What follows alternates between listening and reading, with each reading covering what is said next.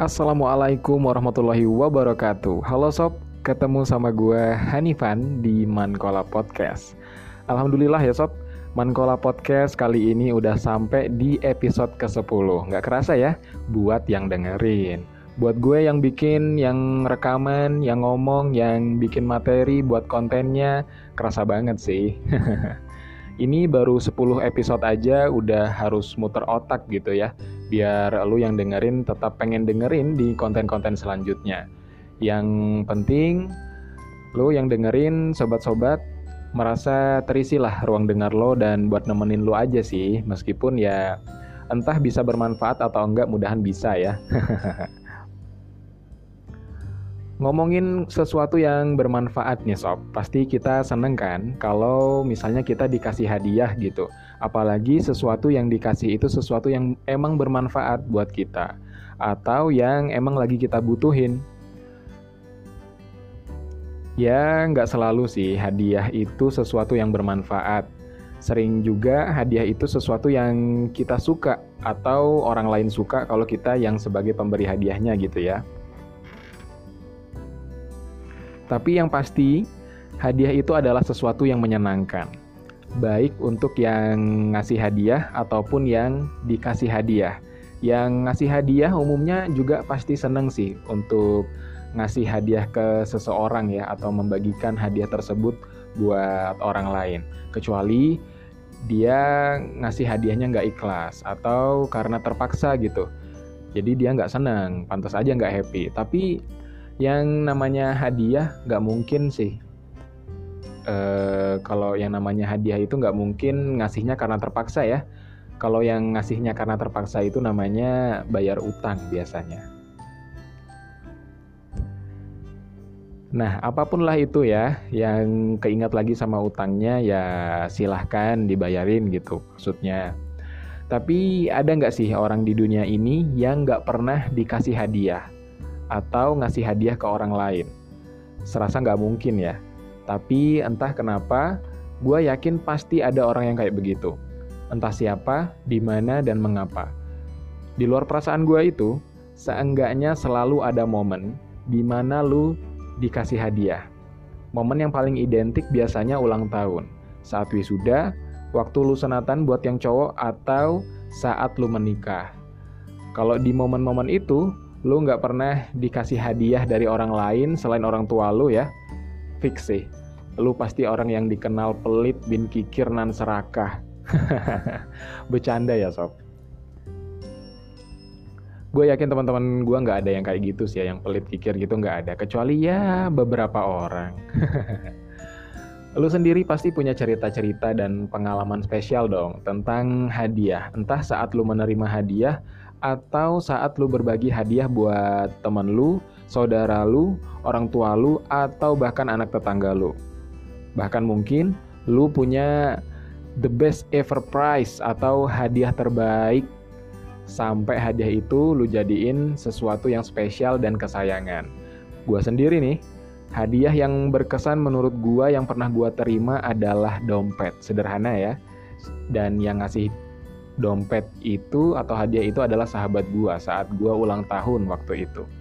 Ceritanya waktu itu gua punya dompet yang udah usang banget ya, jelek banget gitu karena udah dari lama juga gua punya. Kulitnya udah terkelupas-kelupas gitu deh pokoknya. Dan gua sering ditegur sama sahabat gua ini, "Mbok diganti toh dompetnya." Tapi menurut gua dompet ini masih bisa dipakai dan gue emang agak males dan belum ada waktu aja untuk beli dompet yang baru gitu. Eh dilalah waktu gue ultah sahabat gue satu ini ngasih sebuah dompet buat gue dan kayaknya juga itu adalah satu-satunya hadiah yang gue terima di hari ulang tahun gue saat itu ya. Kasihan banget sih gue maka sejak hari itu target hidup gue adalah dapat hadiah sebanyak-banyaknya saat ulang tahun. Waduh bercanda lagi ya sob. Nah, pernah juga gue dapat hadiah tas dan kaos klub bola favorit gue yang gue dapat juga dari sahabat gue. Tapi yang bukan yang ngasih dompet tadi ya, udah kayak bapak gue aja kalau apa-apa dia yang ngasih. mungkin sekalian aja deh nafkahin gue gitu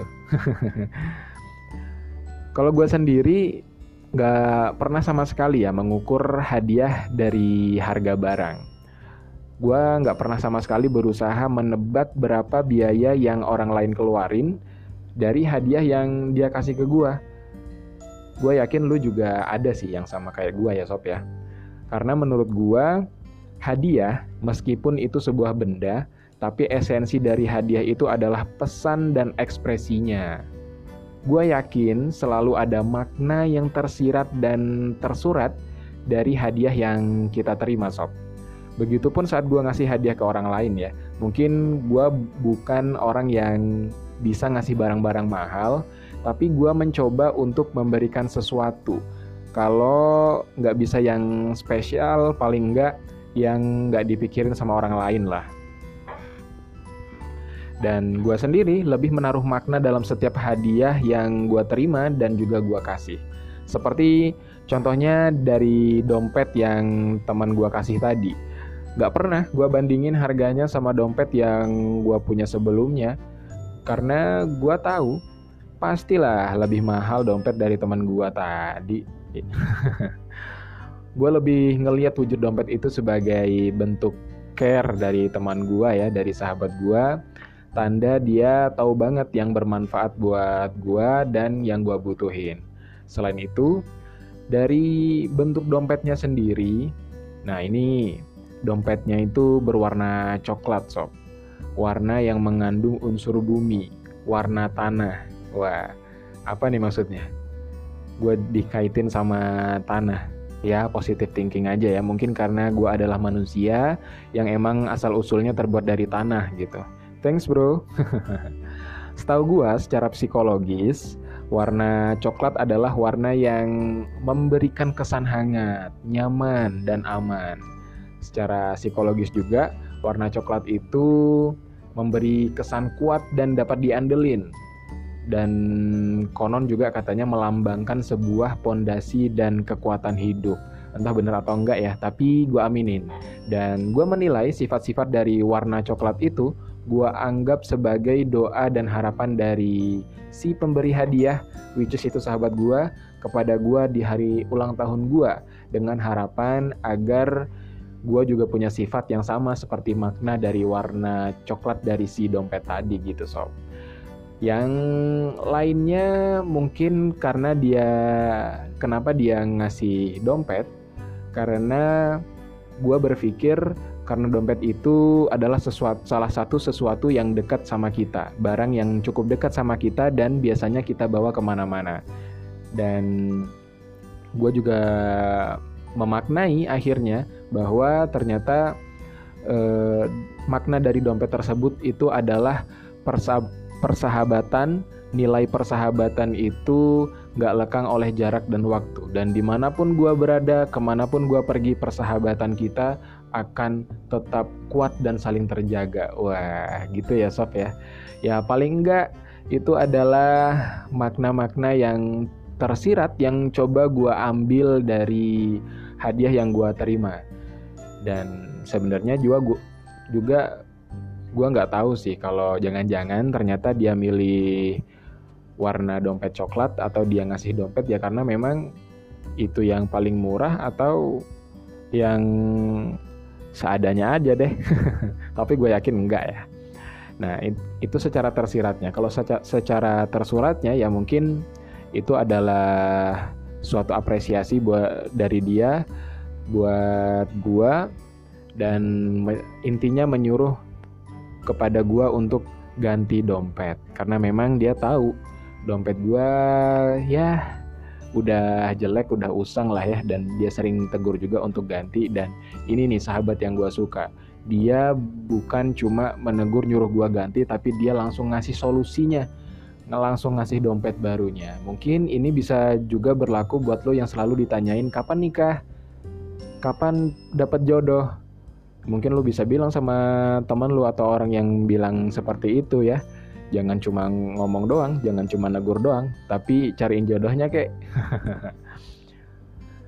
Ya intinya dari semua cerita gua yang panjang lebar dan yang gak penting tadi kira-kira apa sih? Kalau gua mau bilang pikir aja sendiri, ntar lu gak mau dengerin podcast gua lagi. Intinya, intinya inti adalah begini. Hadiah bukanlah sesuatu yang harus diukur dan dinilai dengan harga atau angka yang bisa membuatnya spesial. Bukan seberapa mahal atau seberapa banyak atau seberapa besar kalau hadiah harus mahal, maka orang-orang bakal selalu ngasih barang termahal di dunia ini sebagai hadiah yang gue sendiri nggak tahu barang apa barang yang paling mahal di dunia ini ya. Lo bisa searching deh. Tapi kita harus mencari makna dari barang yang kita terima atau bahkan yang mau kita kasih kalau kita sebagai pemberi hadiahnya. Tersirat ataupun tersurat. Bisa berkaitan dengan hal-hal dan momen berkesannya orang yang pengen kita kasih hadiah atau berkaitan dengan sesuatu yang dia suka atau idolakan. Begitupun saat kita menerima hadiah. Nggak perlu menerka-nerka harga dari barang yang kita terima. Kayak gue tadi contohnya. Dan kita juga nggak pernah tahu usaha orang lain yang ngasih kita hadiah itu untuk dapatin barang itu tuh gimana. Ada waktu yang dia korbankan hanya untuk menyampaikan ekspresinya dia, ekspresi perhatiannya, kepada kita ya menurut gua.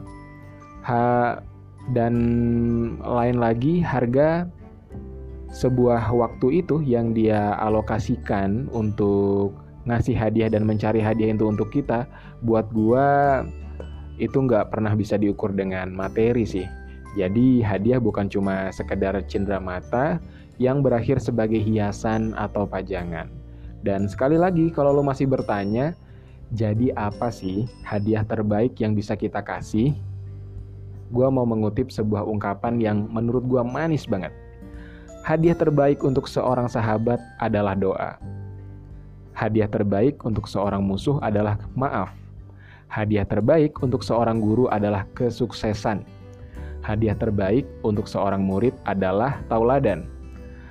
Hadiah terbaik untuk se untuk sebuah kehidupan adalah kasih sayang, Hadiah terbaik untuk sebuah kematian adalah Al-Fatihah. Hadiah terbaik untuk orang tua ibu bapak adalah kebaktian. Hadiah terbaik untuk istri adalah penghargaan. Hadiah terbaik untuk pasangan suami atau istri adalah kesetiaan.